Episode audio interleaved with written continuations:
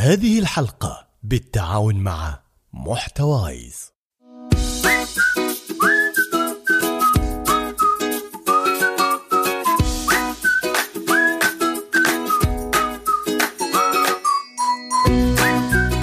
صبحكم الله بالخير أحبائي المستمعين. بشرونا عنكم وش أخباركم؟ شلون كان الويكند معاكم؟ شلون قضيتوا؟ بالنسبة لي عطلة نهاية الأسبوع أقضيها بين تسجيل حلقة من حلقات صباحو أو إنهاء مشاريع للتعليق الصوتي. لقاء الأصدقاء والاستمتاع مع الأهل. يعني أحاول أسوي الأشياء اللي تمتعني وتنسيني تعب أسبوع كامل. لكن هالأسبوع كان مميز لأن احتفلنا فيه احتفال عائلة الصغيرون بمناسبة عيد ميلاد بنتي الصغرى يارا اللي كملت 15 سنة. يارا هذه البنت اللي دائما متحمسة وتضحك لدرجة إنها تنسى نفسها أحيانا وتنسى اللي حواليها. تعيش جوها وسعادتها بكل ما أوتيت من قوة. يارا القريبة من قلبي. طبعا بناتي كلهم قريبين من قلبي بس عاد يارا لها كاريزمتها الخاصة. يارا الفنانة الرسامة اللي تقضي وقتها في تطوير مهاراتها في الرسم إلى أن وصلت لمرحلة أنا فخور فيها جدا جدا جدا. دايم أدعمها وأشجعها بتوفير أي أداة تحتاجها. وأنتم بعد تقدروا تدعموها بإنكم تتابعوا حسابها على إنستغرام وتاخذوا لكم فرع اللوحات الفنية اللي راح تبهركم بكل تأكيد. رابط حسابها خليته لكم في صندوق الوصف تحت. لا تقصروا معاها تراها تستاهل. أيضا في عطلة هذا الأسبوع كان مو فقط عيد ميلاد بنتي يارا أيضا كان عيد ميلاد زوجتي العزيزة أم رنا اللي لها فضل كبير في نجاح هذا البودكاست. تحاول توفر لي البيئة والوقت المناسب لتسجيل هذه الحلقات لكم. هي اللي دعمتني في كل نجاحاتي اللي تعرفوها. لذلك أقول لهم بنتي وزوجتي كل عام وأنتم بألف خير. وخلونا نشاركهم عيد ميلادهم ونقول لهم سوا هابي بيرثدي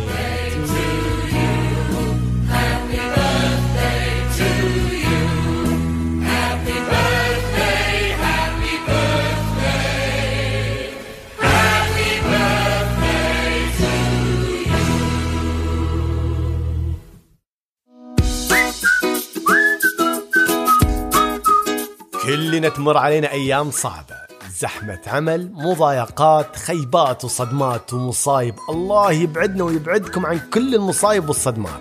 وخلي أيامكم كلها جمال وسعادة. ولكن شئنا أم أبينا. هالنوع من الأيام والأوقات لابد وأن نواجهها في فترات متقطعة من حياتنا. لكن هل نستسلم لهالمصاعب ونخليها تأثر على حياتنا وتخرب يومنا؟ أو أن ترجع نفسك للمسار الصحيح بعد هاليوم من خلال أنك تعطي مشاعرك مهلة من الوقت وأنك ترعى ذاتك وتنتبه لها وأنك تدور على الأشياء اللي تعطيك استرخاء وشعور بأنك أفضل عاطفيا وجسديا. أنك تدور على صديق أو أي فرد من العائلة أو حتى خبير لو احتجت إلى دعم. في هذه الحلقة راح أعلمك ثلاث طرق تقدر من خلالها تتجاوز يومك السيء وتخليه أحسن لكن خلونا قبل هذا نبتسم عشان نخلي يومنا أجمل وبعدها نقول لكم يا صباح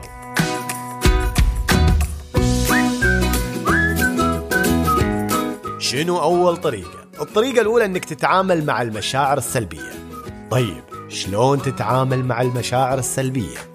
أول شيء لازم تركز في حواسك الخمس لما تكون قلق ومتوتر. اعطي نفسك مهلة شوية عشان تعالج هالأمور السلبية وبعدها خذ لك وقت في ممارسة تمارين التنفس والتركيز في الأشياء الجميلة اللي تشوفها وتستنشقها وتحس فيها. يعني تحب البحر وصوت البحر وريحة البحر.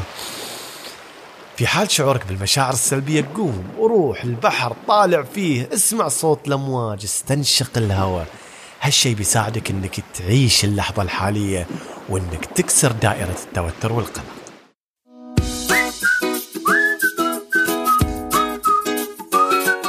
شيء ثاني لازم تفكر في مشاعرك من دون ما تحكم عليها. إيش قاعد تقول يا أبو رنا؟ إيش قاعد تخربط؟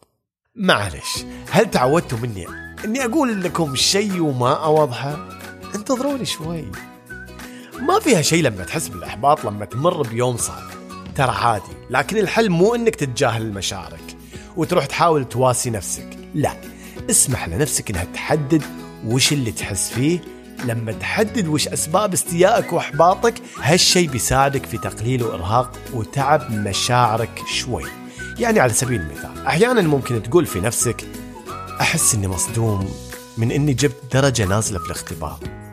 يا أخي لا تحكم على مشاعرك وتحللها فقط طلعها ولاحظها وراح تحس بشعور أفضل.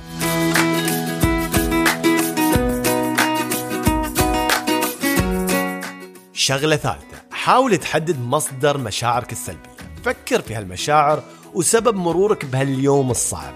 هل بسبب العمل خايف من امتحان محبط من شخص تعرفه حاول إنك تحدد سبب سوء يومك بثلاث كلمات أو أقل مثل الشعور بالإحباط من أحد الأصدقاء التوتر من رئيسي في الدوام الدراسات أظهرت أن مجرد التعبير عن مشاعرك في كلمات قليلة ممكن أنه يقلل من تأثيرها بفارق كبير أنك تعبر أحسن من أنك تكتم في قلبك.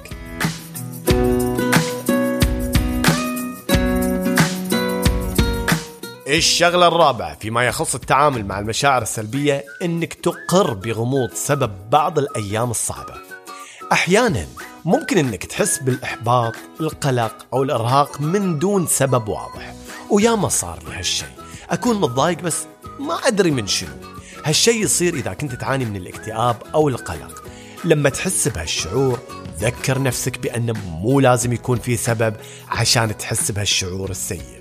وأن الطبيعي أن تمر أيام أصعب من غيرها. إذا ما قدرت تحدد سبب مزاجك السيء ركز في إنك تحسن من حالتك للأفضل.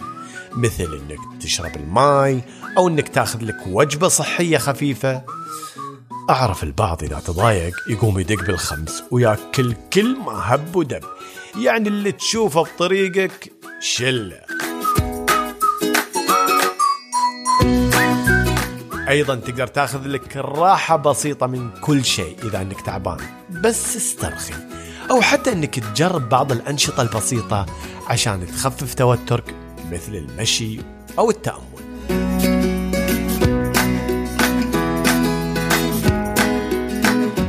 شغلة مهمة جدا. شارك مشاعرك مع شخص توثق فيه.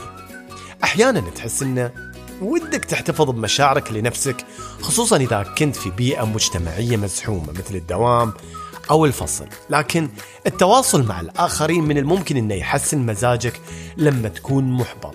تواصل مع صديق أو شخص مقرب لك أو زميل توثق فيه وقول له مثلا مرحبا ممكن أنفس عن اللي في خاطري شوي؟ أنا متضايق شوي.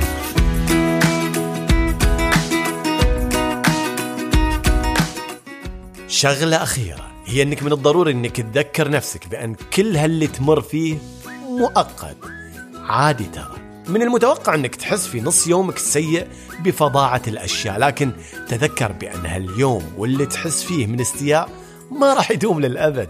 وبما إن مرورك بتجربة سيئة الشغلة مؤقتة فهالشيء يعني إن مشاعرك تجاهها في ذاك الوقت مو مقبول. عشان كذا خليك صبور مع نفسك واسمح لنفسك إنك تعبر عن استيائك بكل راحة. حاول إنك تشوف بكرة على إنه فرصة جديدة عشان تبدأ من جديد.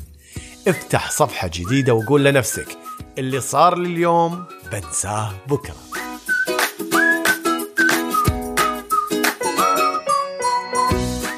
بعد ما عرفنا الطريقة الأولى واللي عرفنا فيها طريقة التعامل مع مشاعرنا تعالوا نتعرف على الطريقة الثانية وهي أنك تمارس أنشطة تخفف من التوتر. مثل إنك تمارس تمارين التنفس العميق. التنفس العميق يقدر يرسل إشارات إلى عقلك وجسمك بالاسترخاء وهالشي بيساعدك طوالي على إنك تحسن ولو شوي لما تكون تحت الضغط. إذا كنت تحس بالإرهاق والانزعاج خذ نفس عميق. خذ نفس عميق من خشمك وطلعه من فمك. أو بوزك اللي هو. كرر هالشيء ثلاث إلى عشر مرات وحاول إنه يكون تركيز الهواء في معدتك أكثر من صدرك. دور لك على مكان هادي واقعد واستلقي وخذ نفس عميق. حط واحدة من أياديك على بطنك والثانية على صدرك عشان تحس بحركة جسمك. غمض عيونك وركز على الأحاسيس الجسدية لما تتنفس. وتقدر بعد إنك تجرب تمارين تنفس ثانية مثل إنك تتنفس بالبطء لمدة أربع ثواني وإنك تحبس أنفاسك لمدة سبع ثواني.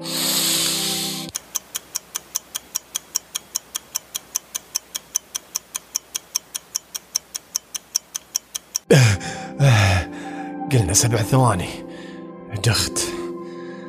طيب بعد ما تحبس أنفاسك لمدة سبع ثواني الزفير بعدها لمدة ثواني وتكرر هالعملية من ثلاث إلى سبع مرات يوميا. بس نصيحة لك سويها وانت جالس لأنك في بداية الأمر راح تحس بدوخة. وهذا الشيء أمر طبيعي جداً.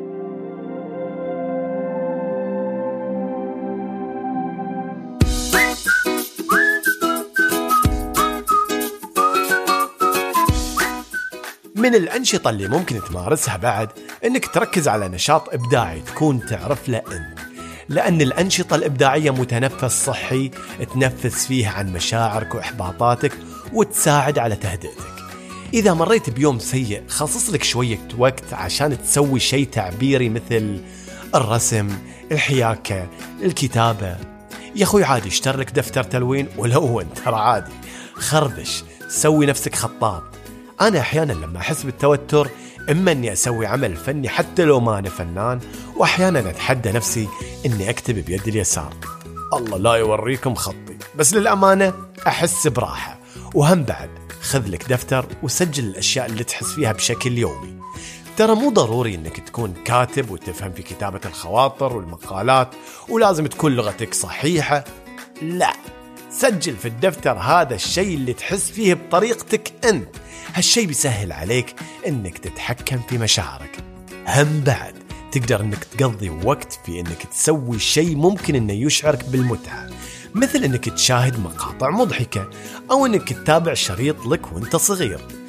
أنا طبعا لما أشاهد مقاطع لي وأنا صغير أحس باكتئاب لأني أحس إن أنا مو أنا.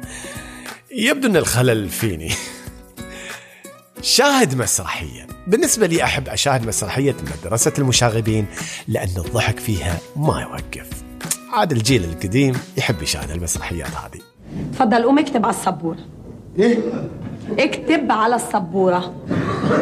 اسمها الصنبورة الصنبورة حلوة وصنبورة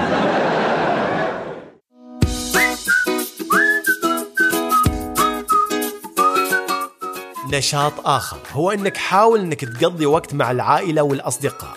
حدد وقت تلتقي فيه مع شخص مهم وتحبه والتقي معاه وجها لوجه إذا قدرت. العبوا شاهدوا فيلم اعزموا على كافي. لما تقضي وقت مع الناس اللي تحبهم راح يتغير مزاجك وهالشي راح يبعدك عن التركيز على الأفكار السلبية أو في اليوم الصعب اللي واجهته.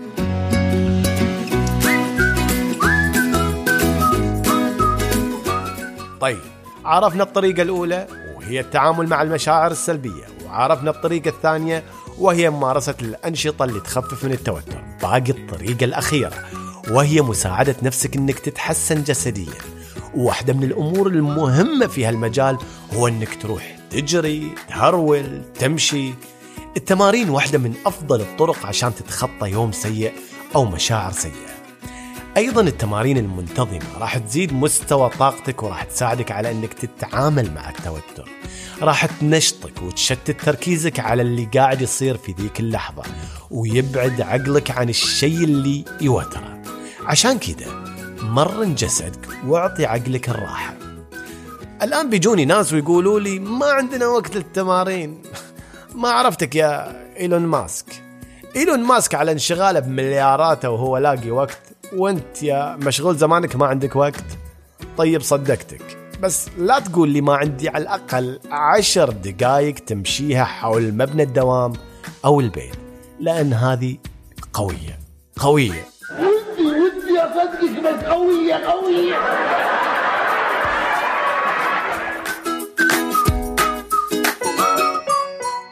الأكل الصحي من الأمور اللي راح تساعدك في أنك تتحسن جسديا وبالتالي راح تتحسن عاطفيا. لذلك اختار الأطعمة اللي ممكن أنها تحسن مزاجك وتزيد مستوى طاقتك مثل الخضروات الحبوب الكاملة البروتينات الخالية من الدهون مثل السمك الدواجن أو البقوليات. أيضا الدهون الصحية مثل اللي موجودة في المكسرات والزيوت النباتية. بعض الأحيان تكون الحلويات أو المخبوزات مغرية لما تحس بالإحباط لكن كل اللي تسويه إنها تستنفذ طاقتك وتحسسك بشعور أسوأ.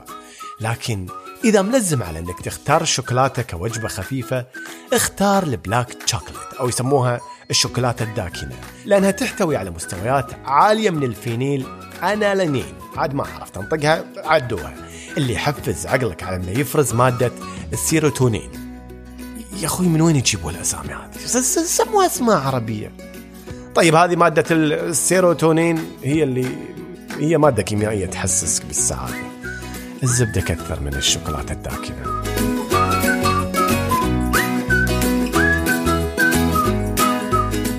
أخيرا واحدة من أهم الشغلات وهي النوم الكافي.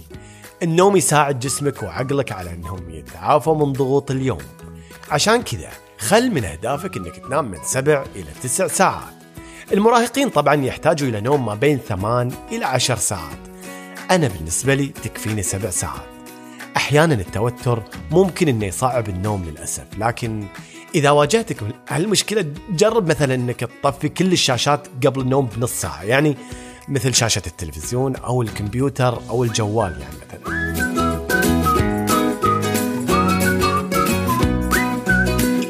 استرخي قبل النوم وسوي تمارين التمدد الخفيفة أو تسبح بماي دافي. اقرأ كم صفحة من كتاب مريح. مو تقرأ لي عن الزومبي قبل النوم. أنا شخصيا أفضل أنكم تقرأوا آه، صفحات من القرآن الكريم أو بعض الأدعية المأثورة. أيضا تأكد من أن غرفتك مظلمة ومريحة مثلا أنها ما تكون مرة باردة ولا مرة حارة. وشغلة أخيرة جرب أنك تشرب مشروب دافي وخالي من الكافيين مثل كوب حليب وتحط فيه شوية عسل وعليك بألف عافية.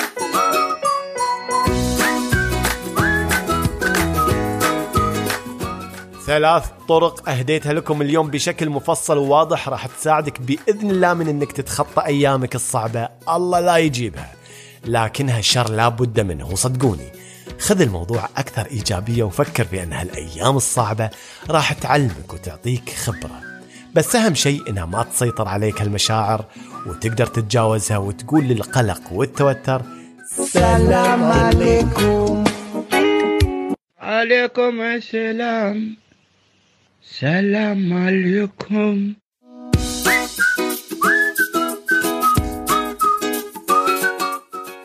وصلنا لنهاية حلقتنا اللي أتمنى أنها أعجبتكم واستفدتوا منها. لا تنسوا تدعموني بالنشر والتعليقات والتقييم على تطبيقات البودكاست اللي تستخدموها مثل أبل بودكاست وجوجل بودكاست.